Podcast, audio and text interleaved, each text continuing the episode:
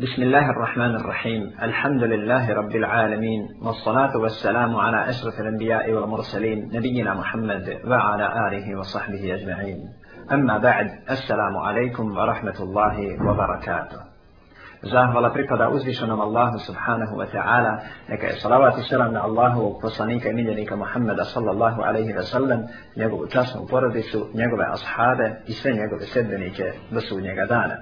Kaže uzvišeni Allah tabareke ve ta'ala A'udhu billahi mine shaitanir rajim Bismillahirrahmanirrahim إذا جاء نصر الله والفتح ورأيت الناس يدخلون في دين الله أفواجا فسبح بحمد ربك واستغفره إنه كان توابا u ime Allaha svemilosnog, milostivog.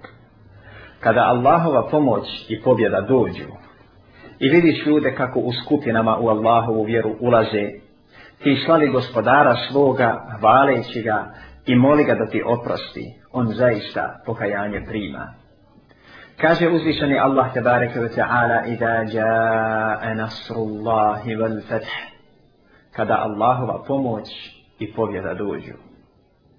ورأيت الناس يدخلون في دين الله أفواجا في كلا بديش لودك أكو أسخوبنا ما والله وبيرو أولازي فسبح بحمد ربك واستغفر إنه كان توابا تيش لدي غسبدار سفوغا هواليتيغا إمولي غدا تي أبرستي on zaista pokajanje prima.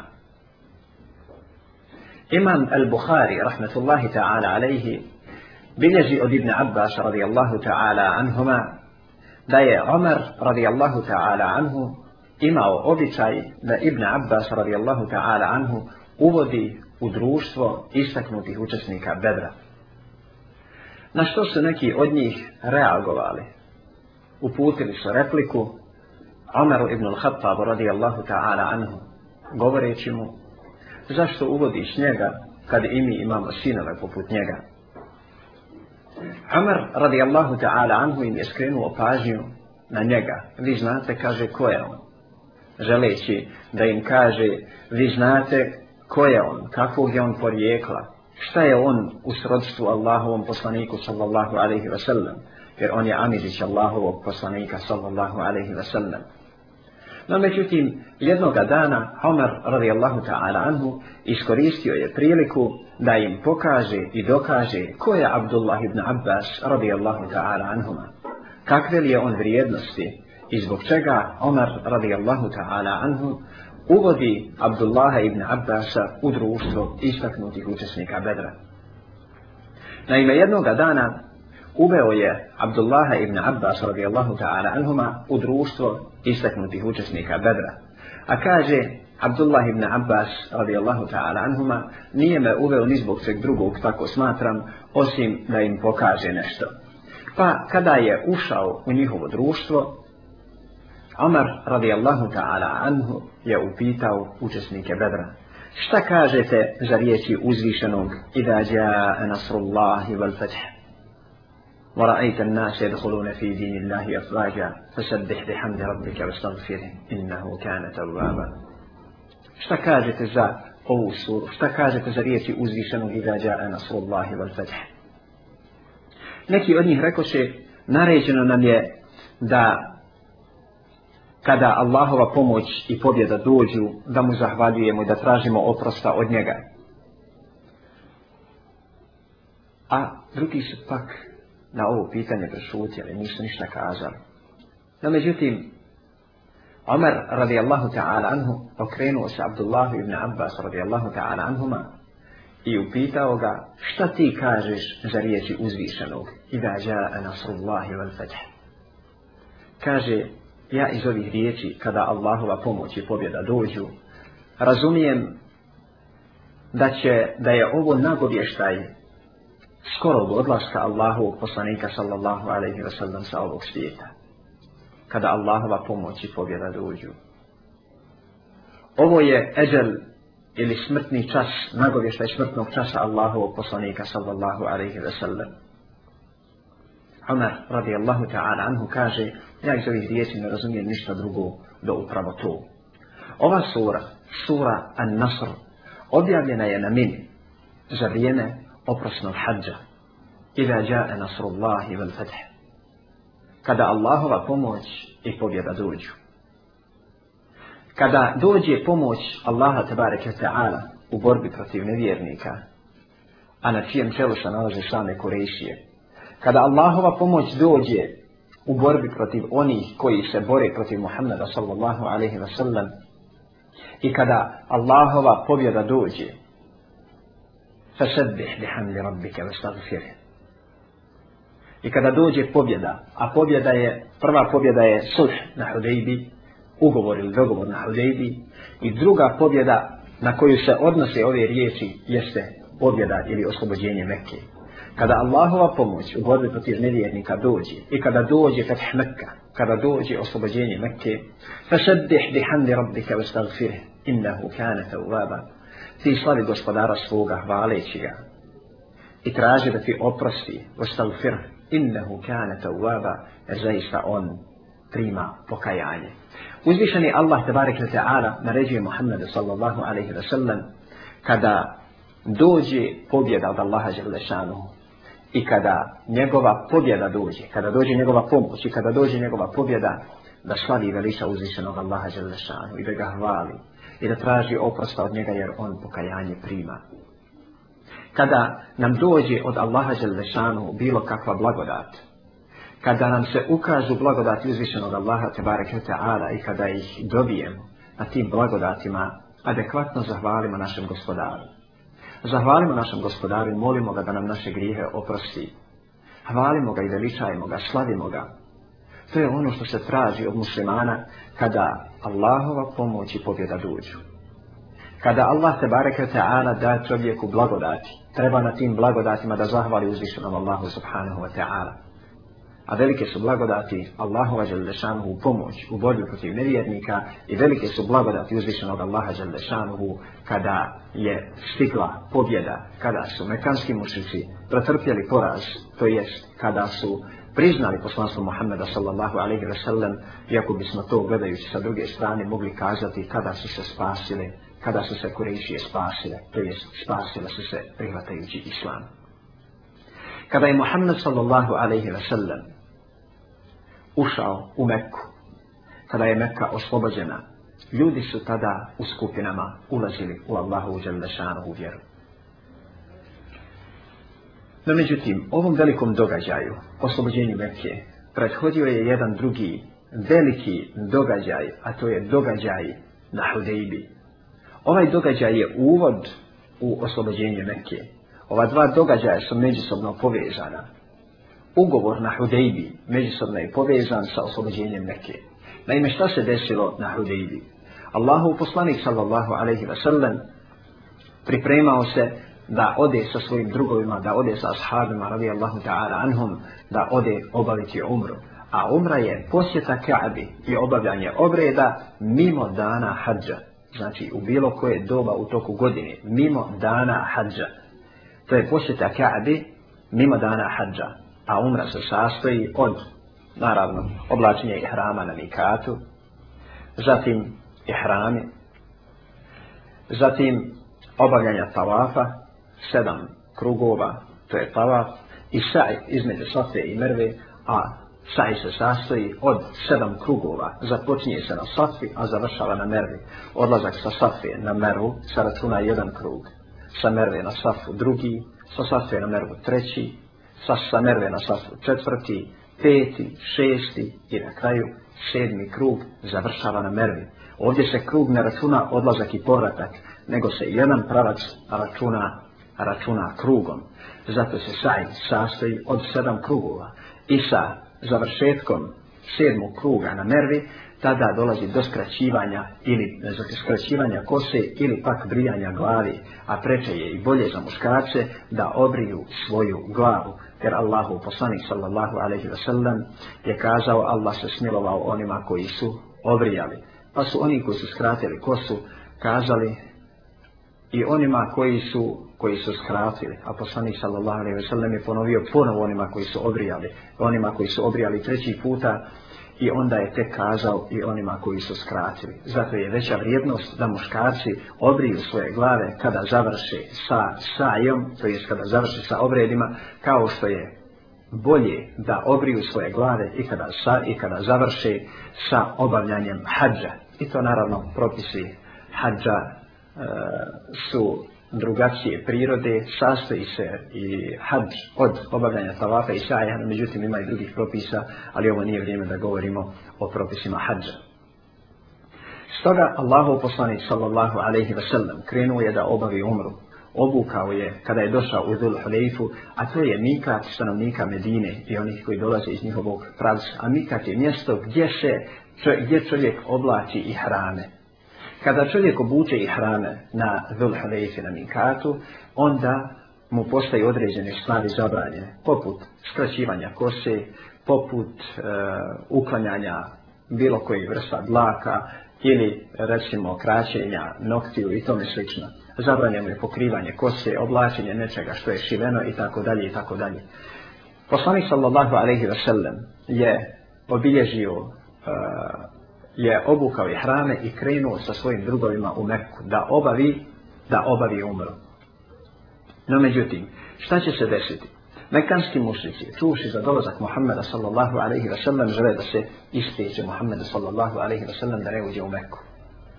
I naravno, poslanik sallallahu alaihi wa sallam susreo se sa njihovim uh, sa, a, sa mekanskom vojskom. No međutim, poslanik sallallahu alaihi ve sellem je išao nekim sporednim putevima, da skratimo naravno događaj, jer događaj je puno opširan, e, išao je nekim putevima sporednim, tako da je došao na domak, a, e, na domak Mekke, došao je na mjesto koje se zove Hudeidija. Umeđu vremenu, mekanski mušići su poslali svoga izoslanika da vide sa, s čime dolazi to Muhammed sallallahu alaihi ve sellem, zašto, zašto dolazi u Meku. Poslanik sallallahu alaihi wa sallam obavijestio ga je da ne dolazi u Mekku s ciljem da se bori protiv nekoga, nego dolazi s ciljem da obavi umru, dolazi s ciljem da posjeti Ka'bu. No međutim, makanski mušnici nisu bili zadovoljni s time, jer to bi bilo za njih poniženje da Muhammed sallallahu alaihi wa sallam sa svojim drugovima tek tako brzo uđe u Mekku. Allahov poslanik sallallahu alejhi ve sellem odlučio je da pošalje jednog jednog od svojih drugova u Mekku da obavijesti Kurejšije o pravom stanju i pravoj svojoj namjeri. Pa je Allahov poslanik sallallahu alejhi ve sellem predložio Omeru ibn al-Khattab radijallahu ta'ala anhu da on bude taj koji će otići mekanskim mušricima i i prenijeti im e, i prenijeti im poruku od poslanika sallallahu alaihi wa sallam. No međutim, Omar radijallahu ta'ala anhu kaže, Allahu poslanice, ja nemam nikog od rodbine tamo. Nema ko da stane iza mene. A on je bio jako žestok prema mekanskim mušicima. Pa kaže, prebojavam se da mi šta god ne bi naudili.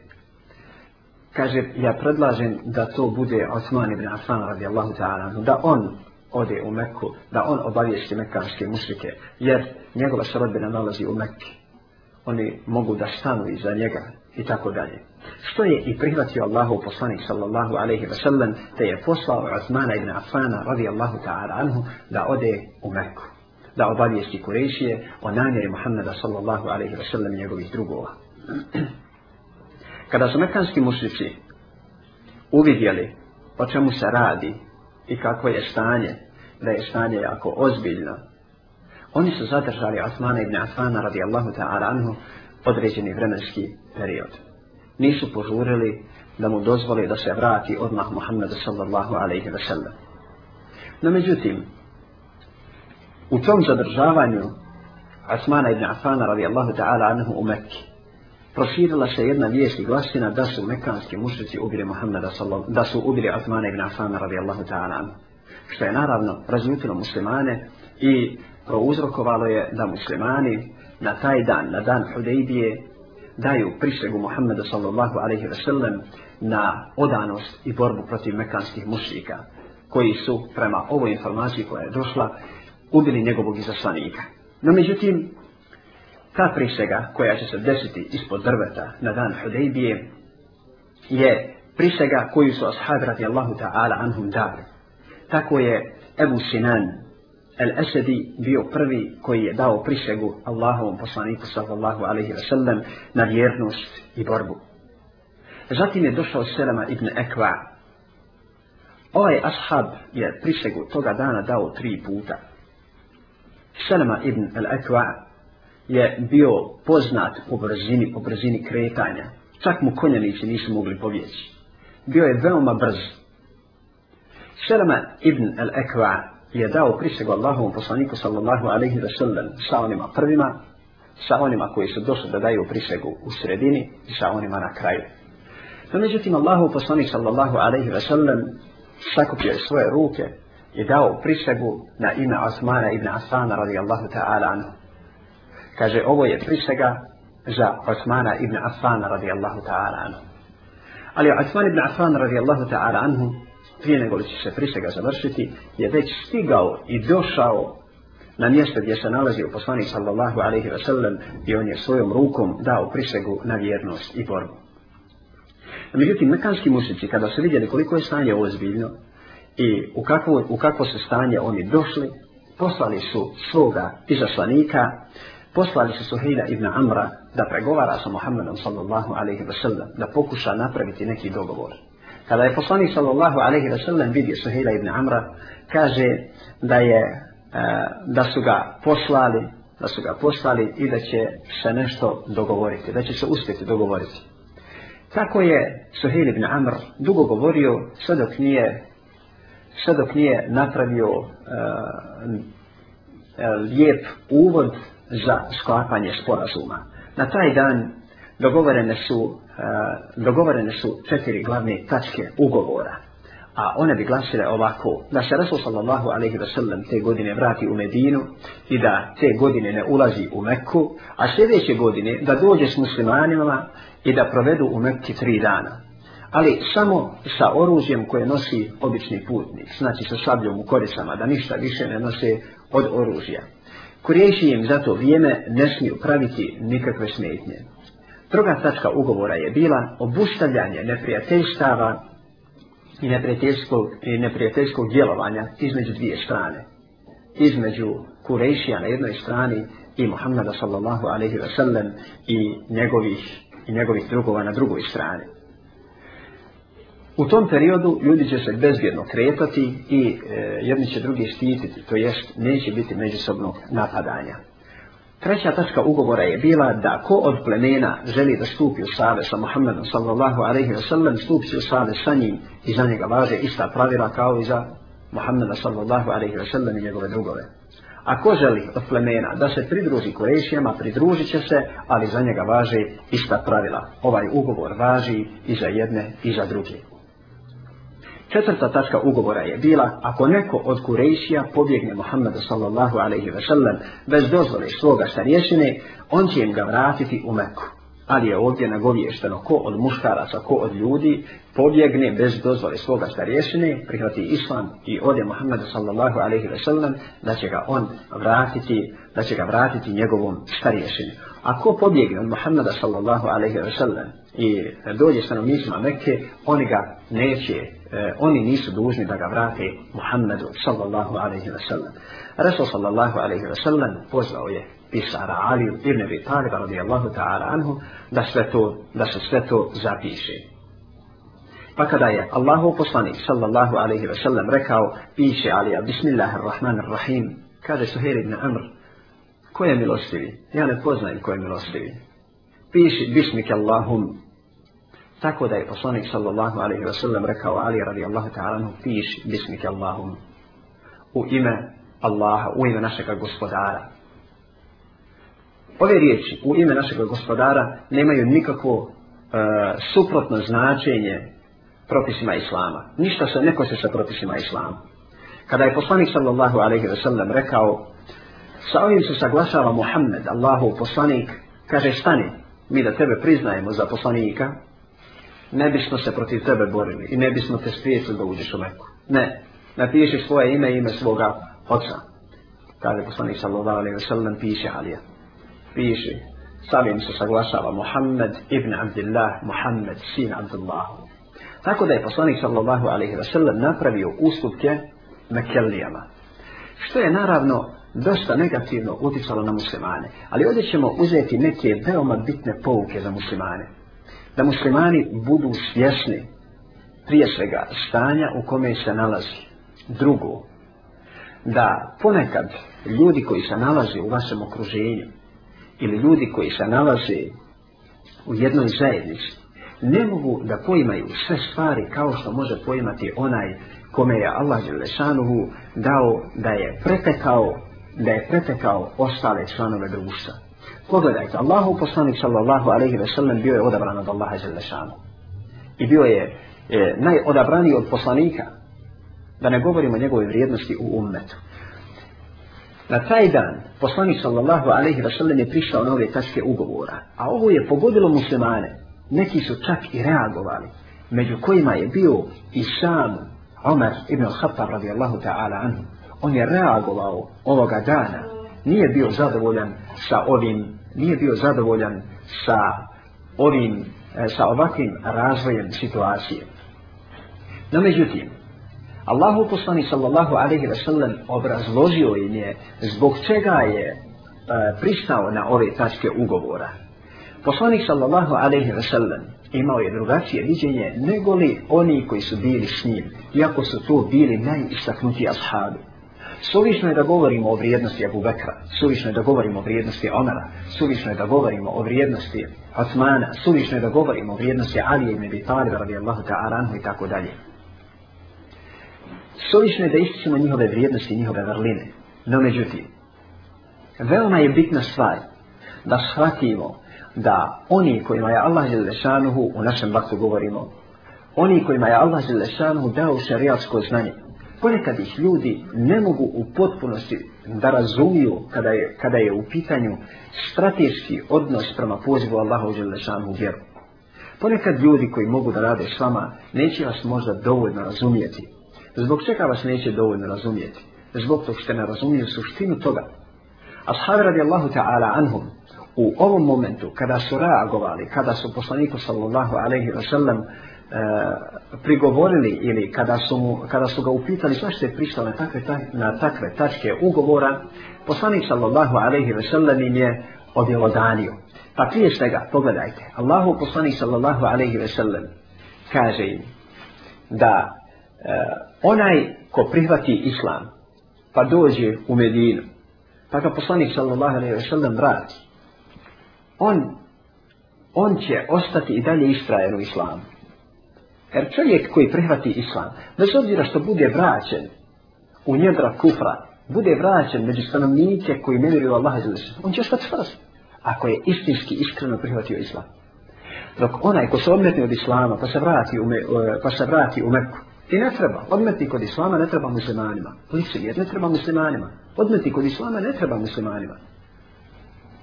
Poslanik sallallahu alaihi wa sallam je pristao da se vrati da se vrati te godine. Što je Omer radi Allahu ta'ala anhu upitao poslanika sallallahu alaihi wa sallam. Allahu poslanice, smo li mi na istini? Jesmo na istini? Obećano nam je da ćemo ući u Meku. Zašto smo, zašto pristajemo na ovaj ugovor? Kaže mu poslanik sallallahu alaihi wa sallam, jer nam obećano da moramo ove godine ući. Dajte razborite si poslanika sallallahu alaihi wa sallam i njegove blagosti prema narodu uopće prema Mekelijama koji su bili njegovi otvoreni dušmani, kako je pristupio rješavanju ovog problema. On je želio da Mekelije primate islam, a nije bilo nikakve štete po muslimane da se te godine vrate, što su muslimani učinili. Vratili su se te godine, nisu obavili umro te godine, no međutim narodne godine već je oslobođena Meka.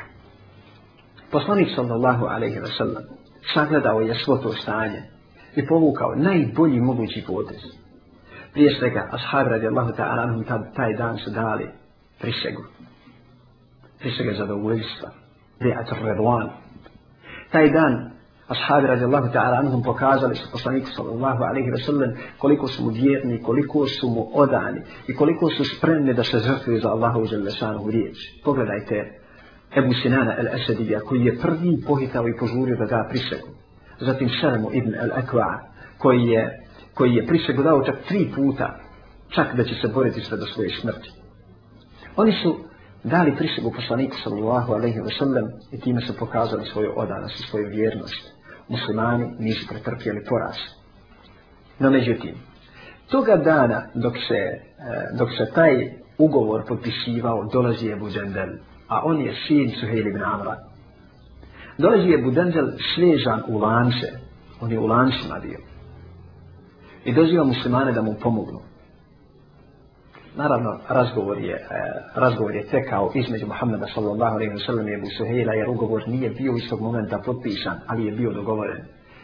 Pa je poslanik sallallahu alaihi wa sallam tražio da ga, da ga uzme, no međutim, kaže Suhejl ibn Amr, onda nema ništa od ugovora i tako dalje. Da skratim događaj zbog njegove oširnosti, na kraju Ebu Denđel je vraćen sa svojim ocem Suhejlom ibn Amrom, vraćen je u Meku muslimani su potpisali ugovor. Vratili se. Kako je vrijeme prolazilo, dolazi čovjek po imenu Abu Basir u Medinu. Mekanski mušnici pošalju svoja dva čovjeka, Muhammedu sallallahu alaihi wa sallam, da ga podsjete na tačke ugovora i da im vrati Ebu Basira. Poslanik sallallahu alaihi wa sallam dao im je dozvolu da uzmu Ebu Basira i vrati se. Kada su bili na Dhul Hulejfi, Ebu Basir je bio inače veliki ratnik, veliki borac je bio. Kada su bili na Dhul Hulejfi, Ebu Basir dodvorio se njima dvojicu i kaže jednom od njih, ali imaš dobro sablju. Kako je dobro sablja, mogu li malo da ih pogledamo? On mu je dozvolio da on pogleda njegovu sablju, da je uzme u svoje ruke, kad je uzeo u svoje ruke, jednog od njih je ubio, a ovaj drugi je sav preplašan pobjegao, pobjegao u Medinu. Pobjegao Muhammedu sallallahu alaihi wa sallam, bojao se za svoj život. Ebu Basir nije bio, nije spadao među one na koje se odnosio ugovor, jer je poslanik sallallahu alaihi wa sallam njega, njega fotački dogovora predao onima koji su došli da da preuzi. Tako da nisu mogli kazati da je Muhammed sallallahu alaihi wa sallam prekinuo ugovor. On je bio kod, kod Mekelija, on je bio kod Kurejšije. Ebu Basir se nije vratio u Meku. On se zadržao u brdima, Ebu Denđel, sin Suhejl ibn Amra, kada je uhvatio prvu priliku, jer je pobjegao iz Mekke i pridružio se Bugosiru. Tako se skupina muslimana, kako je ko prihvatao islam, pridruživao se Bugosiru, Ebu Denđelu i ostalima. Tu se već formirala skupina. Amerikanski mušnici kada bi krenuli put Šama, Ebu Basir sa svojim skupinom bi ih presretao. Tako da su Kurešije vrlo brzo poslali svoje zaslanike da promijenu tačku ugovora u kojoj oni koji prihvate islam, kada dođu u Medinu, da, da ih poslanik sallallahu alaihi wa sallam prihvati. Naravno, poslanik sallallahu alaihi wa sallam prihvatio je čak i tu tačku ugovora. On sve govori o njegovom rahmetu, njegovoj, o njegovoj dalekovidnosti sallallahu alaihi wa sallam. Njemu nije bio cilj da ljudima nanosi štetu. Njemu nije bio cilj da bilo ko od njega štetuje. Ako je ratovao, bio je ratnik i u ratu postoje pravila koja se ne smiju prekoračivati. Ako je živio u miru pod ugovorom i dogovorom, držao se tog ugovora i dogovora. Oni koji su bili i živjeli u islamskoj državi imali su svoja prava, imali su i svoje obaveze. Tako da u islamskoj državi niko ne smije biti oštećen. Niko ne smije biti oštećen. Svi imaju svoja prava, imaju svoje obaveze, neka se drže svojih obaveza, ostvarit će svoja prava. Tako da su mekanski mušljici bili primuđeni da promijeni ovu tačku ugovora. No, međutim, mekanski mušljici su zbog toga što je jedno od plemena koje je e, ušlo u save s njima, prekršilo ugovor, napalo je, pre, napalo je pleme koje je ušlo u save sa Muhammedom sallallahu alaihi wa sallam, a mekanski mušljici su im davali potporu, noći su im davali potporu, što je dovoljno do prekida ugovora s mekanske strane, sa kurešijske strane. Kada su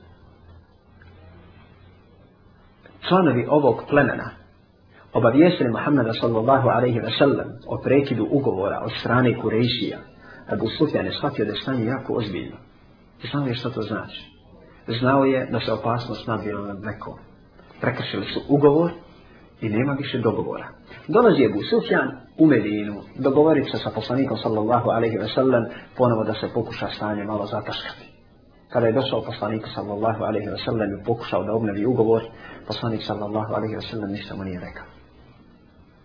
Pogledajte, lidera muslimana, ako ne treba nešto kazat, ne treba kazat. Ali poslanik sallallahu alaihi wa sallam nije mu obećao, popravit ćemo stanje, pa onda neće ništa uraditi. Znači, nije neistinu govorio. Nije lažno obećavao, nije ništa od toga radio, nego prešutio je, ništa nije kazao. Ništa mu nije odgovorio. Zatim se Musufjan uputi Abu Bakr Siddiq radijallahu ta'ala anhu i dođe kod njega i traži od njega da se on zauzima. Abu Bakr Siddiq radijallahu ta'ala anhu nije pristao da se zauzima. Odlazi Omeru, a Omer poznat po svojoj žestini, naravno odbije, odbije i to dosta okrutno odbije Musufjan. Zatim dolazi Osman. Osman ibn Affan radijallahu ta'ala anhu isto tako ništa ne reaguje. Odlaže Ali radijallahu ta'ala. On Abu Sufjana posavjeti šta će uraditi, no međutim nije ništa se ne zauzima. Niko se od onih kojima se Abu Sufjan obratio nije zauzio za njih nimalo. Tako da je Abu Sufjan bio prinuđen uzjehati svoju devu i vratit se u Meku. Naravno, događaj parafraziram i skraćujem zbog njihove dužine.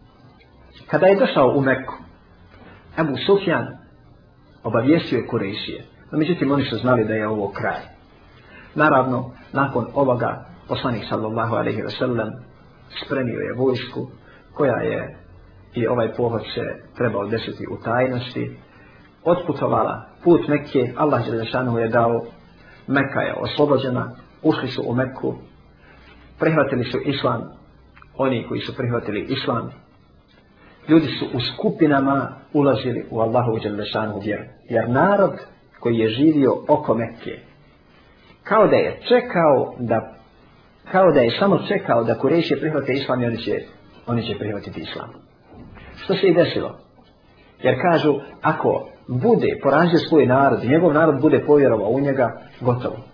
On je sigurno poslanik i u to nema nikakve sumnje. Tako da je poslanik sallallahu alaihi wa sallam kada je neka oslobođena, doživio jednu veoma prijatnu stvar, a to je da su ljudi u skupinama ulazili u Allahu Đelešanu u vjeru, ljudi iz okolnih plemena, stanovnici Jemena, dolazili su ljudi u skupinama i prihvatali Islam. Ida ja nasrullahi vel fath, kada Allahova pomoć i pobjeda dođu, kada njegova pomoć, Allahova pomoć u borbi protiv Kurešije, svih oni koji se bori protiv njega dođu, i kada pobjeda dođe, i sulh na Hudejbi, i kada dođe oslobođenje Mekke, فسبح بحمد ربك واستغفر إنه كان توابا صلاة gospodara رسولك hvaleći ga i moli ga da ti oprosti jer on, jer on zaista pokajanje prima. Uzvišeni Allah tebareke ta'ala ovu suru je objavio na dan oprosnog hađa i ovo je bio nagovještaj odlasta Muhammada sallallahu alaihi ve sellem sa ovoga svijeta. Od Aisha radijallahu ta'ala anha se prenosi da je rekla ما صلى النبي صلى الله عليه وسلم صلاة بعد أن نزلت عليه إذا جاء نصر الله والفتح إلا يقول فيها سبحانك ربنا وبحمدك اللهم اغفر لي عائشة رضي الله تعالى عنها كاجي وصانيك صلى الله عليه وسلم نية klanjao ni jedan namaz nakon وبيع لنا السورة إذا جاء نصر الله بالفتح a da nije nakon što bi obavio taj namaz, da nije rekao Subhaneke Rabbena wa bihamdike Allahumma gfirli, a da nije rekao slavljen neka si gospodaru naš i hvaljen neka si oprosti mi grijehe moje.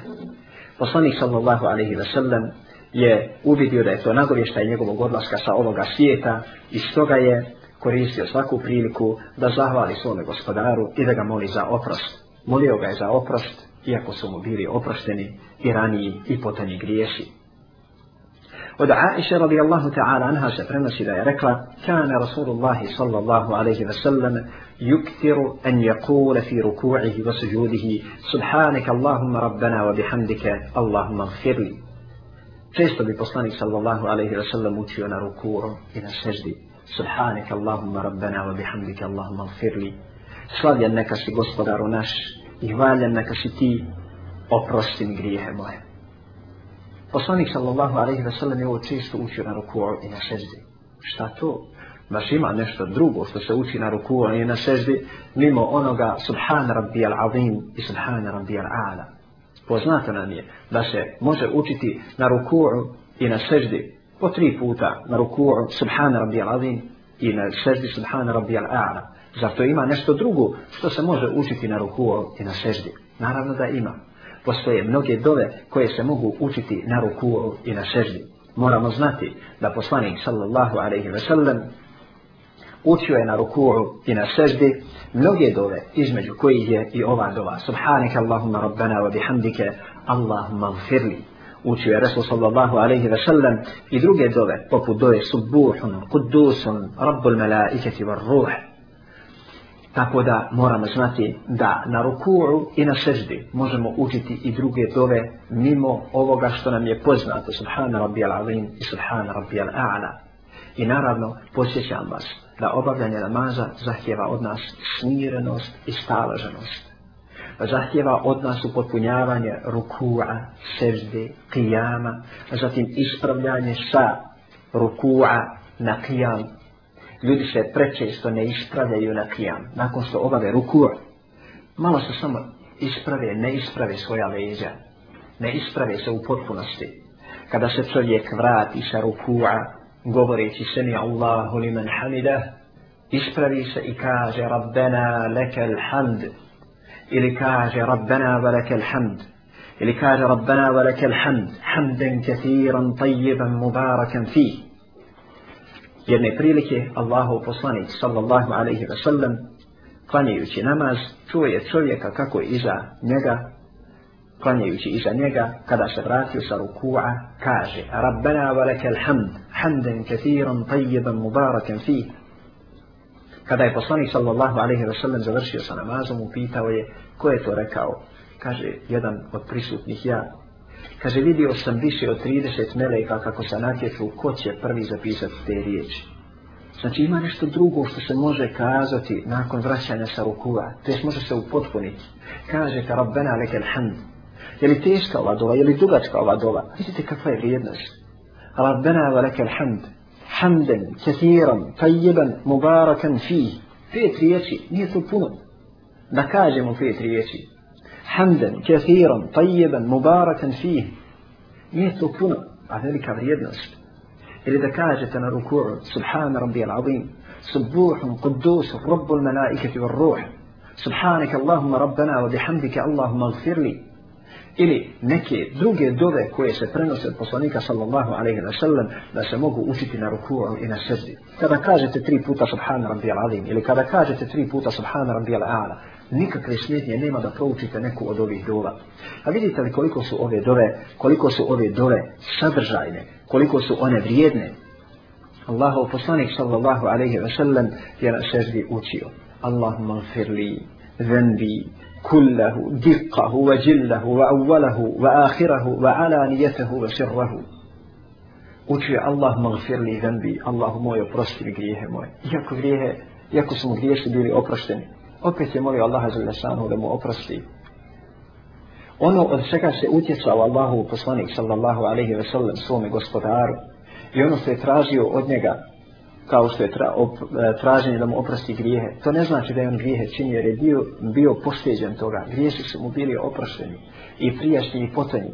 Ali kaže Allah magfir li zembi. Pogledajte sadržajnosti ove dove. Zar ima čovjek koji ne bi poželio da je nauči? Allah magfir li zembi. Allah moj oprosti mi grijehe moje. Kullahu. Sve moje grijehe mi oprosti. Dikahu wa jillahu. I one najsitnije i one najveće. One naj... One općenite grije. Dikahu wa jillahu. Wa awvalahu wa ahirahu. I prve i posljednje. Wa ala anijetahu wa sirrahu. I one javne i tajne. Pogledajte vrijednosti, vrijednosti ove doje. Subhanallah, prije svega, poslanik sallallahu alaihi wa sallam ju je učio drugo, kakav je sadržaj ove dove. Vidite kakav je sadržaj i potpunost ove dove. Zato praktikujemo da učimo dove koje se prenosi od Allahov poslanika sallallahu alaihi wa sallam, da ih je učio, da ih je učio u toku namaza. Učio između ostalog i sljedeću dovu. Allahumme inni a'udhu bi rivake min sakatike وبمعافاتك من عقوبتك وأعوذ بك منك لا أحصي ثناء عليك كما أثنيت على نفسك وشيء يوضو أحاديث برنسي إمام مسلم رحمة الله تعالى عليه إذا جاء نصر الله والفتح ورأيت الناس يدخلون في دين الله أفراجا فسبح بحمد ربك واستغفره إنه كان توابا كذا يوضع سورة sura objavljena poslanik صلى الله عليه وسلم سيبريمو pripremao za odlazak سيئته Vidite koje dove je on uobičavao i pojačavao učiti pred kraj svoga života. Neki ljudi praktikuju učenje drugih stvari koje nije učenje stvari ili učenje dova koje nije učio poslanik sallallahu alaihi wa sallam. Posebno ponavljanje određenih dova koje nisu prenesene od Allahovog poslanika sallallahu alaihi wa sallam. Čak ponavljanje njegovog imena na način kako to nije činio poslanik sallallahu alaihi wa sallam to je pogrešno, da čovjek ponavlja hiljadu puta hoće spomenuti nekog Allahovih imena. Nije to ako poslanik sallallahu alaihi wa sallam veliša uzvišnog Allaha želešanu. Nije to način da se, da se posebno u zajedničkim skupovima to čini. Nego je Allahov poslanik sallallahu alaihi wa sallam robovo i veliča uzvišnog Allaha želešanu na način kako je to propisano. Zato zadovoljimo se sa onim što se prenosi od njega i načinom kako se to prenosi od njega. Nemojmo ništa izmišljati. Vjerujte da se ne možemo približiti našem gospodaru bolje nego li se približio Allahu poslanih sallallahu alaihi wa sallam. Nemojte misliti da može doći čovjek koji će uraditi bolje nego li je on uradio. Zašto da se opterećujemo stvarima koje on nije radio, a mi možemo da uradimo samo ono što je on uradio? Ali prečesto se dešava da čovjek uzima nešto drugo mimo onoga što je propisano. Uzima nešto drugo mimo onoga što je propisano. Zašto čovjek uzima, na primjer, ono što je čisto, e, što je mnogo rašireno u našem društvu, to je učenje Ashar Rahman dove, Nur dove i tome slično. Ili pak druge vrste dova koje ljudi praktikuju, uči to stotine puta, neće klanjati namaz. Ne klanja namaz. Misli da će ga tova koju nije poslanik sallallahu alaihi ve sellem učio, misli da će ga ta dova spasti džahennemske vatre. Misli da će ga ta dova izbaviti iz deraja u kome se nalazi. Barak Allahu fi. Allah vam dao bereketa. Klanjajte namaz. Redo na namaz klanjajte. Nakon namaza učite zikr koji je propisan. Ajte u kursi 33 puta subhanallah, 33 puta alhamdulillah, 33 puta Allahu akbar. Završite to.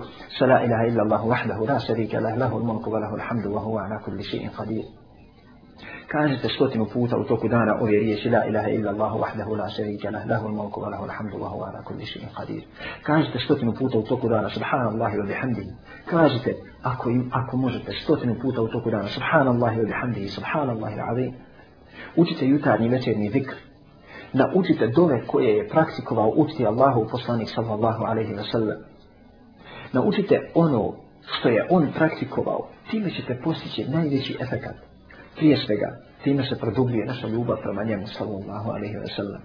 Zatim, najsadržajnije su njegove dove.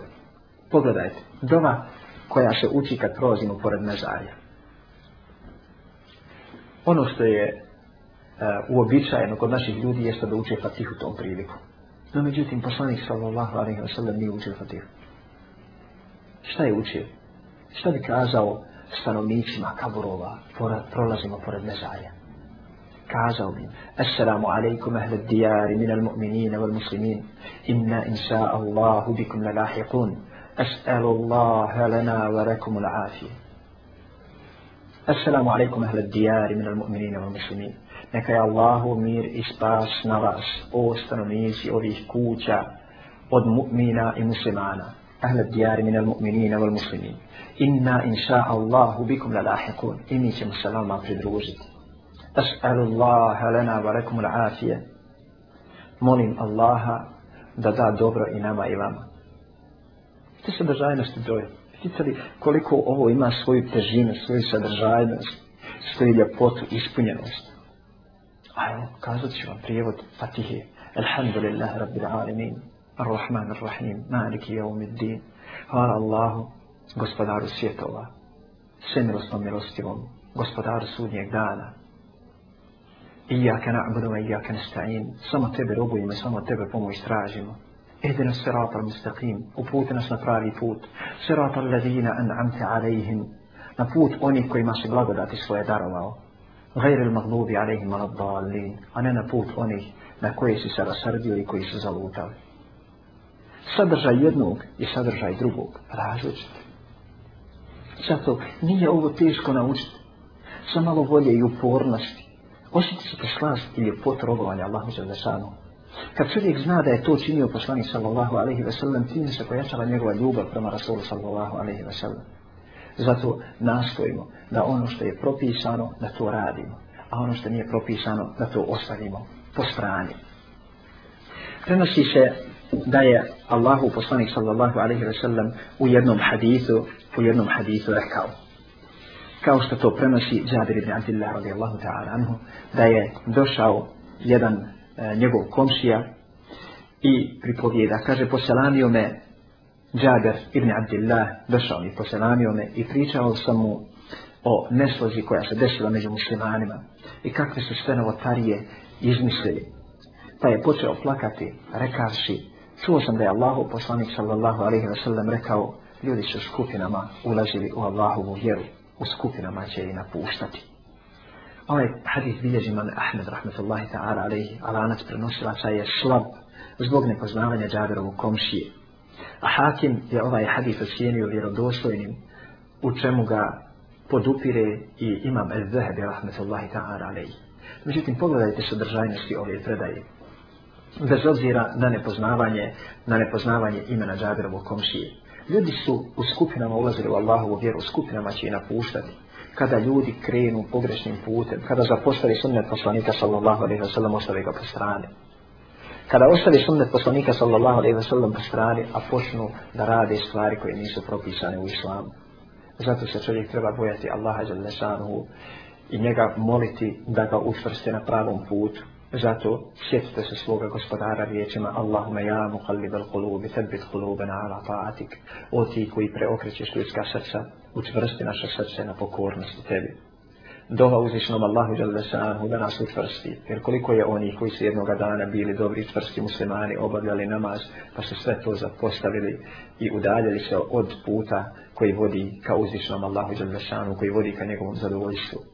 Udaljeni su od puta koji vodi ka džennetu, a idu putem koji vodi u propašt. Koliko je ljudi koji su zbog kratkotrajnih dunjaločkih užitaka prodali svoj ahiret, Allahu moj, sačuvaj nas puta onih koji su prodali svoj ahiret za dunjaloč, tebe molim gospodaru naš, da nam daš od blagodati ono što će nas ojačati u vjeri, Allahu moj, podari nam blagodati koje će nas ojačati u vjeri, Allahu moj, podari nam imeta koji ćemo dijeliti na tvome putu, i koji ćemo biti spremni svakog momenta podijeliti na tvome putu. Allahu moj, daj nam od blagodati ono sa svime ćemo biti samo čvrši i bolji muslimani. Allahu moj, sačuvaj nas svega onoga što će nas udaljiti od puta koji vodi ka žennetu. Allahu moj, oprosti i nama i roditeljima našim, jer oni su bili dobri prema nama kada smo bili mali. اللهم يريدنا سجنة الجنة سفصانيتنا شهيدنا يوصل دورهم لودنا وآخر دعوانا أن الحمد لله رب العالمين وسبحانك اللهم وبحمدك أشهد أن لا إله إلا أنت استغفرك وأتوب إليك والسلام عليكم ورحمة الله وبركاته